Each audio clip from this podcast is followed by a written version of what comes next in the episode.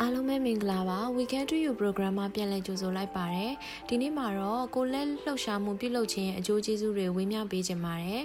သွေးကြိုစီးကြိုရှိသူပဲဖြစ်စေမရှိသူပဲဖြစ်စေပုံမှန်ကိုလက်လှုပ်ရှားမှုပြုလုပ်ပေးခြင်းဖြင့်ရရှိနိုင်တဲ့အကျိုးကျေးဇူးတွေကတော့ခန္ဓာကိုယ်ကြန့်ခိုင်တန်ဆွမ်းလာတာကိုယ်အလေးချိန်ထိန်းနိုင်လာတာစိတ်ဖိစီးမှုရောနေလာတာအယိုးနဲ့ကြွက်သားများ ကျန်းမာတန်ဆွမ်းလာတာအယိုးပွားယောဂအဆင့်မြင့်ရောင်ယောဂများဖြစ်နိုင်ခြေကိုလျှော့ချပေးနိုင်တာနှလုံးသွေးကြောယောဂများဖြစ်နိုင်ခြေလျော့နေစေတာ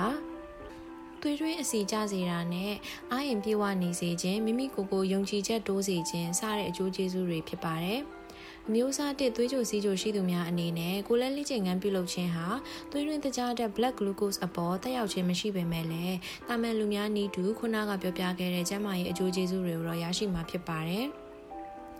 အမျိုးအစားနှင့်သွေးကြိုစီးကြိုရှိသူများအတွက်တော့ကိုလက်လှုပ်ရှားပေးခြင်းဖြင့်ခုနကပြောတဲ့အကျိုးကျေးဇူးတွေအပြင်ကိုသွေးရင်းတကြားတဲ့ထိန်းညှိရာမှာပါအထောက်အကူဖြစ်စေပါတယ်။ပုံမှန်ကိုလက်လှုပ်ရှားပေးခြင်းဖြင့်သွေးရင်းတကြားတဲ့ကိုပုံမှန်အနေထားထိရောက်အောင်ထိန်းနိုင်ခြင်းတောက်သုံးနေရတဲ့ဆေးဝါးများပမာဏလျှော့ချနိုင်ခြင်းနဲ့ဆေးဝါးများမလိုအပ်တော့သည့်ထိအောင်ကျန်းမာလာခြင်းများဖြစ်စေနိုင်ပါတယ်ရှင်။